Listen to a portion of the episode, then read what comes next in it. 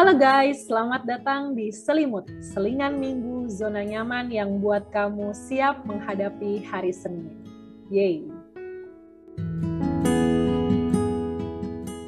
Nah, jadi kita hari ini mau ngomongin apa, Ke? Kita hari ini mau ngomongin tentang keluarga kali ya. Oh, keluarga, ya. kata yang berharga adalah keluarga. Adalah Renata. Oh, bukan Oh, keluarga ya. Oke, baik. Katanya baik. gitu kan. Iya, iya, baik, baik. Nah, kita quiznya tuh hari ini luar biasa sekali ya. Figur abang buat kita waktu boleh lah, kuliah boleh, dulu. boleh. Iya. Kita banyak belajar dari dia dan walaupun sebenarnya nggak nggak begitu sering ya depan layar ya bang ya, depan panggung gitu ya bang ya. Enggak, enggak Iya. pernah kayaknya. Oh nggak pernah ya. Ya nah, hari ini kita kasih panggung nih bang buat bang Dama. Hmm. Asik. Nah, oke. kita hari ini ngobrol sama Bang Damar, kita mau bicara nih banyak. Kita mau sharing-sharing soal keluarga, soal gimana kita ngadepin keluarga kita. Mungkin ada satu dua orang keluarga mungkin ya sulit lah kita hadapi. Dari kepikiran gitu kan, kita keluarga itu kayak temen tapi nggak bisa ditinggal gitu. Gimana kalau Iya. jadinya ada ada ada keluarga yang mungkin sifatnya beda banget sama kita atau punya pandangan yang beda banget sama kita itu gimana sih hadapinnya? Nah, Iya. itu yang kita pelajarin hari ini. Tapi mungkin kan mereka penasaran ya siapa sih sosok figur Iya. kakak Rano dan Kiki. Eh, iya, siapa sih Bang Damar Damar ini? Iya, coba deh kita kasih ini Coba. dulu ya ke Bang Damar coba perkenalan dulu Bang. Oke, eh, halo, nama gue, gue Damar. Ya, gue Damar. Gue eh, sebagai staff accounting di Perkantas Jakarta. Eh, gue udah menikah eh, selama empat tahun dari tahun Wah. 2017. Istri satu ya, Ya, alhamdulillah. alhamdulillah. Anak, oh, puji Tuhan, udah satu. Ya. Budaya. Perkantas itu apa sih gitu kan? Yayasan sosial kan? Yayasan sosial lah yang bisa dibilang seperti itu Iya. ya. Ya, Yayasan self, kalau anak zaman sekarang mungkin bilangnya self development gitu kali ya. iya, iya. Ya, gitu. Iya, mungkin gue bilangnya eh, yayasan pendidikan agama, Ah, gitu, iya, iya. karakter dan agama, Iya, benar. kepemimpinan lah Iya. gitu. Kalau gua, hmm, itu dari keturunan Jawa, jadi bokap itu Jawa Timur, nyokap itu Jawa Tengah. Dua anak pertama dari tiga bersaudara. Oh, Nah, oke. Pulau Desi, eh, pure Sumatera Utara, orang Batak asli. Hmm, Ya. Jadi dia anak pertama juga dari tiga bersaudara. Oke. Penasaran nih kita sama pembentukan keluarga kalau yang Bang Damar nih, yang dari keluarga yang engge-engge aja dulu tuh kalau di keluarga eh, seperti apa tuh Bang? Apa maksudnya ada nggak sih konfliknya? Maksudnya karena kan gue ngebayangin juga ya orang Jawa kayak adem ayem beda nih. Karena Kak Desi sama gue tuh kan sedarah kami ya, setanah air sama-sama orang Iya, Tapanuli iya, yang kayak sangat ekspresif lah ya. Nah, kalau iya. Damar gimana nih? Nah, kalau dari keluarga gua, konfliknya adalah ya, ya sebetulnya sih mirip-mirip aja gitu ya konflik-konflik. Biasanya tuh karena timbul karena ini sih karena miskomunikasi. Itu yang Hmm. paling sering tuh, yang kayak apa namanya? Eh, misalkan nyokap gue pergi ke pasar, Ya. terus eh, bokap nggak dengar gitu kan apa namanya eh, pamitnya. Nanti bisa jadi masalah tuh kayak gitu ke depannya. Atau eh, padahal sebetulnya juga nyokap udah udah biasa pergi ke pasar begitu kan. Nah bokap tuh cuman pengen mbok ya di apa namanya dibilangin gitu loh. Jadi aku ngerasa dianggap begitu. Hmm. Padahal sebetulnya maksudnya nggak begitu, begitu loh. Kan sebetulnya apa yang dikerjakan nyokap gue itu kan juga bahasa kasih kan, melayani keluarga, begitu. Dan juga sebaliknya sebetulnya. Eh, misalnya kayak, kan sebetulnya kan nyokap gue itu kan eh, orangnya eh, rajin, tapi bukan yang daily begitu loh. Mm-mm. Jadi kalau dia udah moodnya aja gitu, udah moodnya ngerjain kerjaan rumah, pasti tuh akan dikerjain tuh semuanya gitu. Cuman nah, kalau lagi mood, tolong jangan dipaksa begitu. Sedangkan mungkin eh, pekerjaan rumah itu pasti ada kan tiap hari Hmm. begitu. Nah itu tuh yang eh, biasanya ya biasanya jadi masalah sih. um, untuk mengerti bahwa nyokap itu butuh mood itu tuh uh, uh, bertabrakan dengan uh, bokap itu tuh pengennya tuh pekerjaan rumah dikerjakan setiap hari gitu. Karena memang akhirnya tuh kelihatan eh, membentuk sih sebetulnya ke guanya yeah, yeah. gitu ya. Karena gue tuh eh, tipe orang yang suka-suka aja sih ngerjain kerjaan rumah tapi kayaknya tuh harus ngumpulin moodnya dulu gitu sih. Itu yang sering muncul uh, di uh, keluarga gue iya iya iya. Gitu. Berarti sebenarnya Bang Damar pun ketika berumah tangga ini tuh juga ngelihat dari sebelumnya bokap nyokap ya kayak gimana terus berkaca dari uh, apa bokap nyokap yang seperti itu kayaknya matters banget ya love language sama pasangan gitu ya dalam menjalani pernikahan ya. Maksudnya tadi kan kayaknya lu, lu lu sebagai anak tuh bisa ngebaca gitu loh language nyokap lu hmm. ini, bokap lu ini, tapi kayaknya mereka malah gak saling tahu, miskom. Iya iya. Mungkin yang jadi masalah tuh bukan bukannya gak tahu ya, tapi eh, mana nih yang pengen diduluin begitu, karena kan eh, ngeduluin orang lain tuh bukan natur kita gitu ya. natur kita itu egois gitu. iya iya. Iya begitu. Gue uh, penasaran nih. Kira-kira kalau di dulu sama uh, papa atau mama lebih dekat ke siapa tuh, Bang Damar? Uh, aku deket sih kedua-duanya sebetulnya gitu hmm. ya. Keluargaku kan uh, sebetulnya kan keluarga yang beda agama. Ya. Ya nyokap itu uh, Muslim, hmm. uh, bokap itu uh, Kristen. Nah, aku belajar Kristen itu dari bokap, begitu ya. Nah, uh, walaupun kami berbeda, uh, aku tetap uh, tetap sayang gitu nyokap. Bang, kan ternyata kan ini uh, kita mengetahui lagi nih teman-teman yang dengar pasti langsung kayak wow keren banget gitu kan. Maksudnya amazed uh, dibesarkan dari keluarga yang beda agama gitu kan dan tadi lo mention ya deket-deket aja sama mama pun deket gitu ya uh, tapi pernah nggak sih mengalami konflik-konflik gitu entah sama mama atau papa gitu apalagi sekarang kan uh, lu ngikut siapa berarti nih? Papa uh, ya? gue ikut bokap. Ya gimana tuh bang ceritanya bang? Kalau boleh jujur ya gitu ya memang konflik itu uh, banyak terjadi. Minimal uh, perbedaan uh, yang tadi gitu antara cowok dan cewek. Ya, begitu. Perbedaan bentukan keluarga juga. Apalagi uh, perbedaan uh, agama gitu. Hmm. nah kalau gue sih uh, yang menjadi penyebab gitu ya penyebab uh, perselisihan atau konflik itu biasanya memang yang paling banyak itu karena karena perbedaan agama itu sih hmm. uh, kayaknya nih ya uh, kesalahan mereka dulu tuh nggak membicarakan dengan baik begitu perbedaan agama ini begitu. Jadi kan memang kalau dari awalnya dulu tuh nyokap tuh sem uh, sempat convert lah begitu sempat convert ke Kristen dan memang menikah secara Kristen begitu. Hmm. Nah, waktu di tengah jalan nyokap balik convert ke uh, Muslim. Hmm. Nah, itu yang uh, secara secara tidak dewasa tuh di, di direspon sama bokap gue tuh secara tidak dewasa begitu nggak terima begitu ya karena mungkin dia juga akan merasa uh, malu begitu karena uh, kan uh, nyokap gue kan uh, uh, juga akhirnya kan pakai hijab gitu ya mm.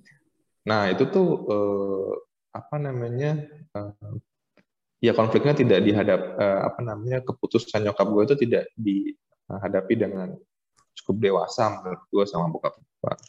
Hmm. Nah itu akhirnya juga yang dan nyokap gue juga uh, juga uh, akhirnya karena mungkin uh, di agamanya meng, menganggap gitu ya nggak tahu sih aku uh, ini kan dari pandangan nyokap gue ya gitu ya. Yeah, yeah. menganggap bahwa pernikahan mereka itu tidak sah karena tidak di, tidak direstui atau dilakukan secara uh, muslim jadi itu juga yang menjadi uh, respon nyokap gue yang tidak dewasa juga yaitu menuntut bokap untuk nikah secara muslim begitu. Hmm. Nah, itu yang menjadi konflik utama bahkan sampai saat ini begitu ya. Ya kalau sekarang sih sebetulnya uh, masih sering banyak uh, diem gitu ya. Bahkan sekarang kayaknya nggak pernah satu rancang lagi semenjak semenjak konflik.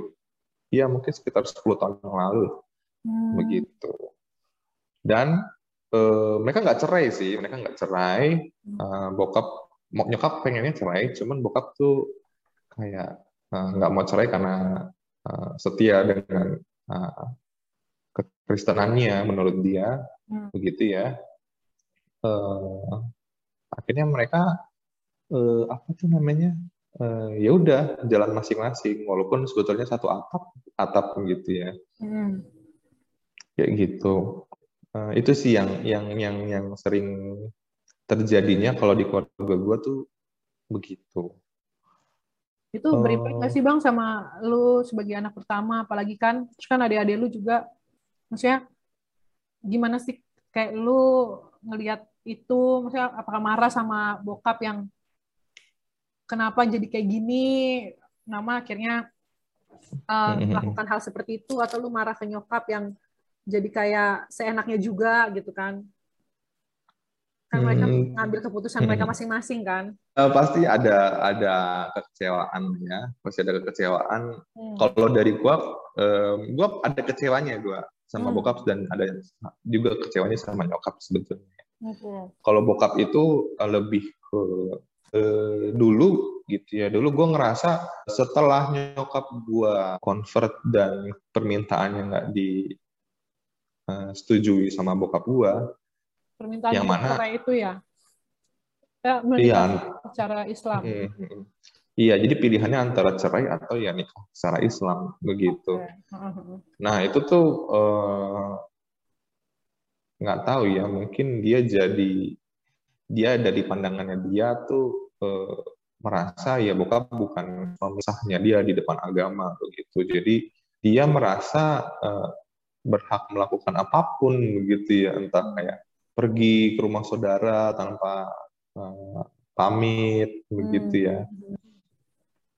nah itu yang jadi kekecewaan gue sih walaupun gue awalnya melihat uh, dulu uh, gue gue dulu waktu waktu belum belum mungkin gitu ya desakan gue tuh uh, ya udahlah pak gitu ceraiin aja lah begitu daripada nah, hidupnya tuh uh, susah karena nyokap gue tuh jadi toksik banget gitu loh sama kami gitu. Eh, nggak uh, mau ngurusin kerjaan rumah lagi gitu ya. Hmm. terus juga dia nggak mau apa namanya uh, kayak nggak mau tahu gitu sama uh, urusan rumah tangga begitu. Bahkan yang paling parah tuh eh, apa namanya sempat diucapin gitu ya sama nyokap gue tuh kalau oh, ya udah urus aja gitu ini kan uh, rumah tangga eh ini kan uh, anakmu begitu hmm. nah itu yang menjadi itu itu kayaknya uh, apa namanya menjadi salah satu kekecewaan juga yang uh, cukup besar ya gitu wow. untuk aku untuk kami kayaknya gitu ya. hmm. nah kalau dari bokap uh, kekecewaannya uh, lebih ke ya tadi ya bokap gue tuh sebetulnya orangnya halus gitu ya orangnya halus jadi eh, beberapa tahun pertama ketika eh, konflik itu muncul tuh justru yang banyak nangis tuh dia gitu. Banyak nangis gitu ya kenapa kamu begini? begitu. Uh, dan oh ya, itu yang iya yeah, set boy ya gue ya. Itu yang menjadi uh, apa namanya kekecewaan gue karena dia akhirnya jadi nggak nggak bertindak begitu loh nggak oh, nggak iya, iya.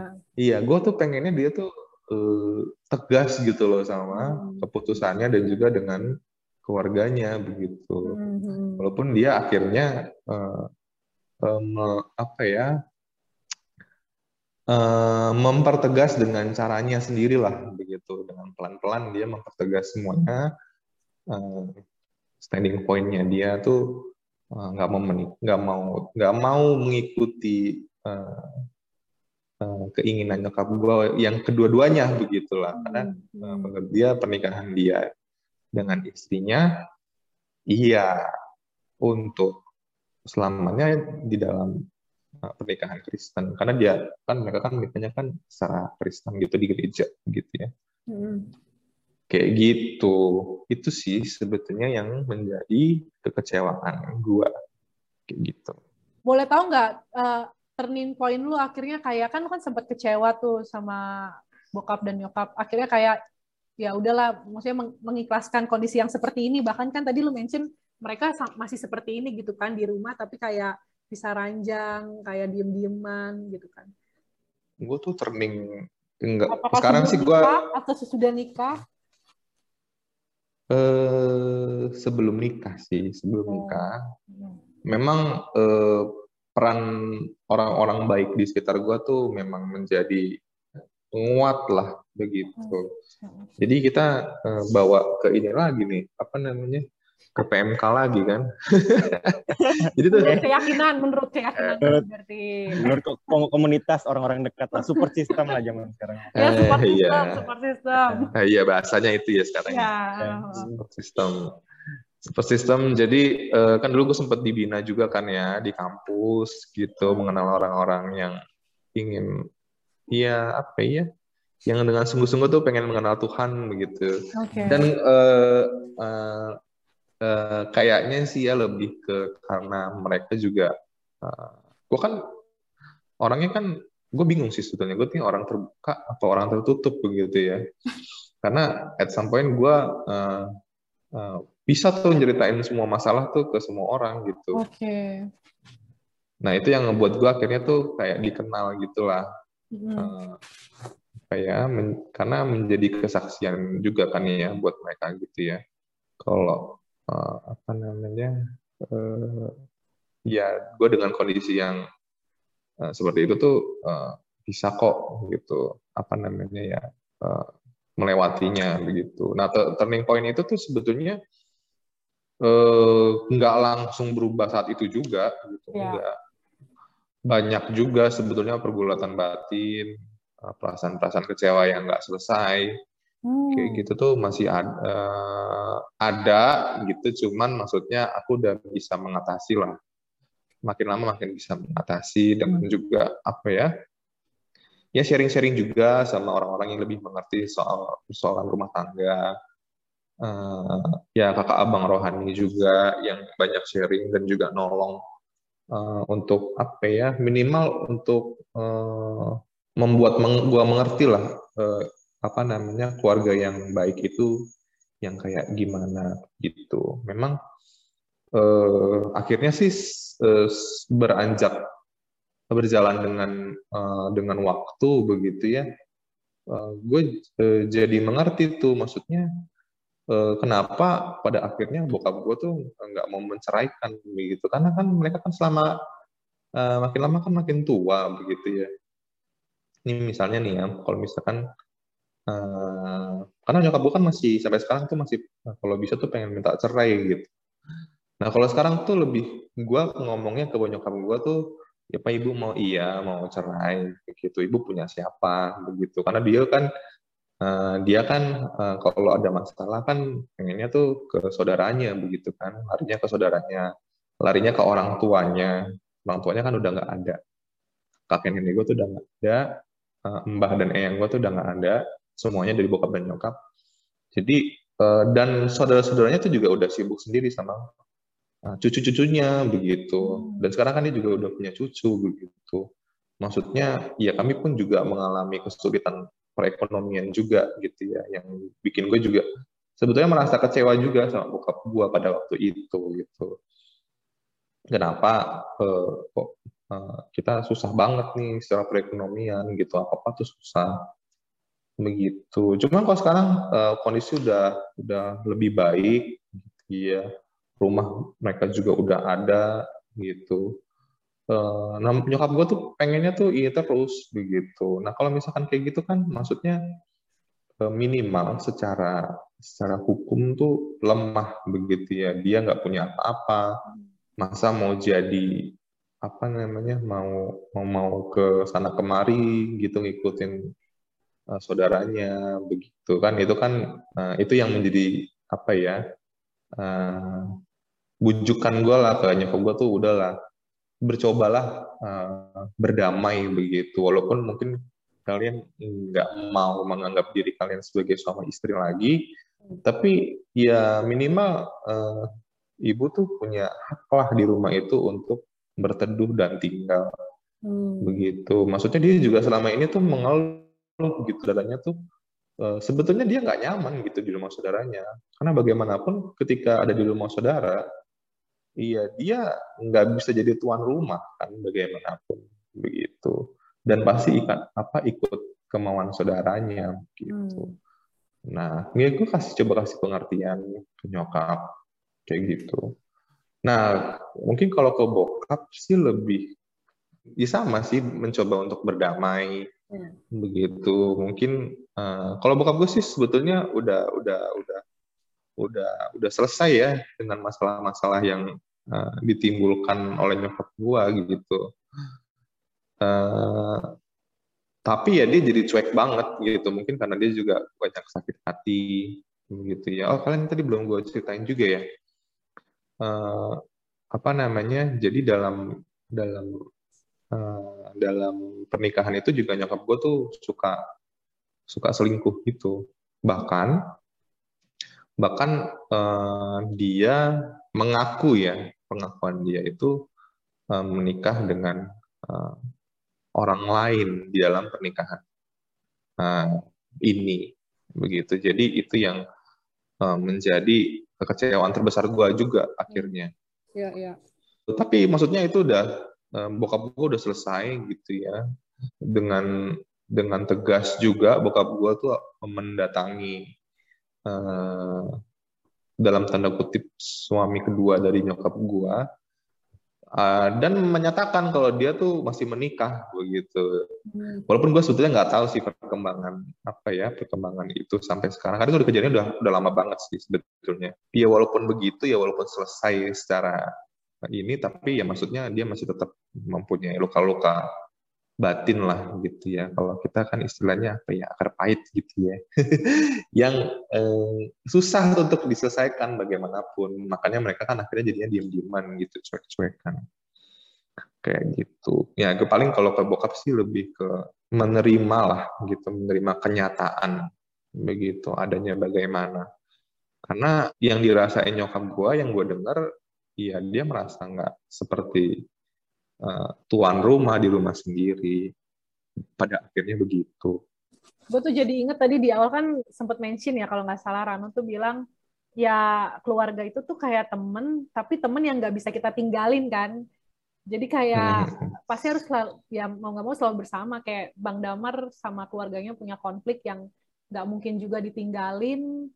Uh, dan maksudnya ya karena ada kontak batin mereka papa mama terus kayak dengan kondisi seperti itu ya jadinya kecewa gitu ya. Tapi maksudnya uh, ini bagus juga sih buat kita para pendengar uh, dengan kondisi keluarga pasti semuanya nggak baik-baik aja. Tapi kalau gua ngeliat dari Bang Damar, gimana caranya ya ngelihat dari sisinya mereka gitu ya.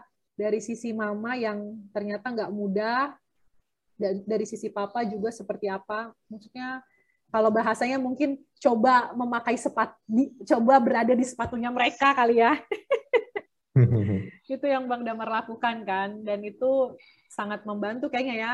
Dan tahu nggak sih ini bukan cuma lu doang sih SJS yang ngomong tentang support system. Kayaknya tuh dari episode pertama sampai yang sekarang tuh ya support system itu penting banget ya. Maksudnya punya orang yang bisa cerita gitu ya. Apalagi tadi Bang Damar tuh mention ya kalau uh, punya masalah tentang pergumulan keluarga ataupun tentang pernikahan ya nyari orang yang tahu tentang masalah pernikahan itu gitu kan. Bukan. Nyari random people jadi support system nggak gitu juga lah ya berarti ya. Iya betul betul. Tapi tuh gue penasaran nih papa mama tapi gimana kalau ke bang damar? Maksudnya apalagi kan lu sekarang punya anak itu kan jadi cucu mereka ya gimana tuh? Mungkin mereka nggak menyangka kali ya di tengah-tengah perjalanan hidup yang kian berat. Ternyata anak gue ada yang bisa menikah dan punya keluarga yang baik dan punya cucu gitu. Ya mereka sih bersyukur lah gitu ya. Apalagi rumah kami dekat gitu. Rumah kami itu dekat di Sawangan dan gue sengaja uh, pindah ke dekat rumah karena kami uh, sama-sama bekerja kan gue sama istri gue mm. Jadi nggak uh, tahu sih kalau gue tuh ke kayak kurang percaya gitu loh nitipin sama orang yang kurang gue kenal gitu. Yeah. minimal at least sampai lima tahun lah gitu. Sampai dia benar-benar apa ya cukup bisa lah di uh, apa berhubungan atau ditinggal sama orang lain begitu yang gue kenal. Ini maksudnya keluarga ya. Mm-hmm. gitu. Mereka kan senang banget gitu ya karena deket gitu main ke rumah gua. Terus juga oh. gue juga beberapa kali nitipin uh, Moses sama mereka begitu ya. Ya gue sih berharap ya relasi kami gitu ya. Maksudnya gue sama istri gue tuh juga bisa apa ya ya menolong mereka lah untuk uh, mendekatkan mereka lagi gitu. Karena apalagi uh, Moses ini Moses ini sayang banget gitu sama hmm. sama mbahnya sama yang cowok begitu dan uh, ya gue kan juga uh, membutuhkan uh, uh, nyokap gue gitu ya untuk apa namanya mengetahui lah kebutuhan dasar-dasar bayi gitu. Oh. Karena kalau dari bokap kan paling hmm. uh, sukanya ngejagainnya yang buat main uh, ngajak aja main, gitu. iya ngajak, ngajak main, terusnya juga uh, nemenin dia kerja. Karena bokap gue kan juga apa namanya uh, apa namanya uh, ya kerja begitu di rumah. Nah, sedangkan sama nyokap gue tuh uh, si Moses tuh butuh waktu gitu kalau misalkan mau deket gitu, nggak tahu kenapa ya. Cuma yeah. maksudnya, ya gue harap sih kehadirannya tuh bisa sama dekatkan mereka kembali sih. Begitu deh. Di welcome banget dong ya, Moses. Ya, di welcome banget. Iya, iya, iya. Kayaknya cucu emang benar-benar kayak fresh, bukan fresh start juga sih, tapi kayak ngasih jalan baru lah istilahnya anak kecil kan kayak polos dan dia cuma mau gimana ya ngomong kayak cuma mau cinta aja gitu cuma mau main dan ya dia ngasih kita sedikit refresh gitu gimana kita punya quality time pertama anak kecil itu kan lebih jujur ya lebih jujur hmm. dan lebih menghadirkan suasana yang menyenangkan begitu loh kalau yeah, ada yeah. anak kecil iya. Tapi kayaknya nggak mungkin semua orang tuh bisa untuk mengandalkan untuk tung atau tunggu untuk punya anak dulu kali. Tapi ya kayak bang Amar itu ya kita terima keadaan dan ya hmm. memang sulit hidup dan mungkin yang gue dapat tadi ini kali ya kayak kita punya rasa kemanusiaan gitu. Maksudnya kita punya needs yang harus dipenuhi keluarga kita pun ya kita satu darah kita satu keturunan kita punya ikatan yang bisa dipisahin dan kalau dia ada yang menderita atau apa ya kita nggak bisa memalingkan wajah gitu aja. Walaupun mungkin kita pengen tapi pasti ada aja gitu asingan kita untuk tetap peduli gitu. Hmm. iya iya betul banget. Gue jadi ingat lagi kemarin tuh ada postingan di Instagram ya. Dia ngomong gini kayak kalau lu ada orang orang yang jengak banget pokoknya jengak apa ya kayak uh, selin karakternya ngeselin lah maksudnya nggak nggak cocok lah gitu. Coba yeah. lu bayangin kalau dia tuh punya penyakit kronis. Jadi seenggaknya tuh lu punya attitude lu punya empati ke dia kalau dia tuh nggak bisa memproses semuanya itu dengan baik dia pun ada ada struggle dia sendiri gitu. Jadinya ya lu memaklumi dan mentoleransi lah istilahnya lu juga belajar untuk akhirnya menahan diri lu gitu hmm. dan itu bisa juga dipraktekkan pastinya di tengah keluarga ya yang kita iya. suka konflik ya. Hmm. Mungkin kalau keluarga bukan kita menganggap dia ada penyakit kronis, tapi memang kalau keluarga sih mungkin harusnya kita bisa tahu lebih detail dan yang keadaan sebenarnya gitu ya. Ya tadi gue suka sih yang Bang Damar lakukan terhadap papa mamanya ya dia coba mengerti, memahami hmm. posisinya papa mamanya tuh sebenarnya ya gak enak. Mereka juga kesulitan dan uh, butuh apa ya punya kebutuhan masing-masing yang saat ini kan sulit terpenuhi ya gitu jadi ya memahami orang tua kesulitan-kesulitan orang tua masing-masing gitu ya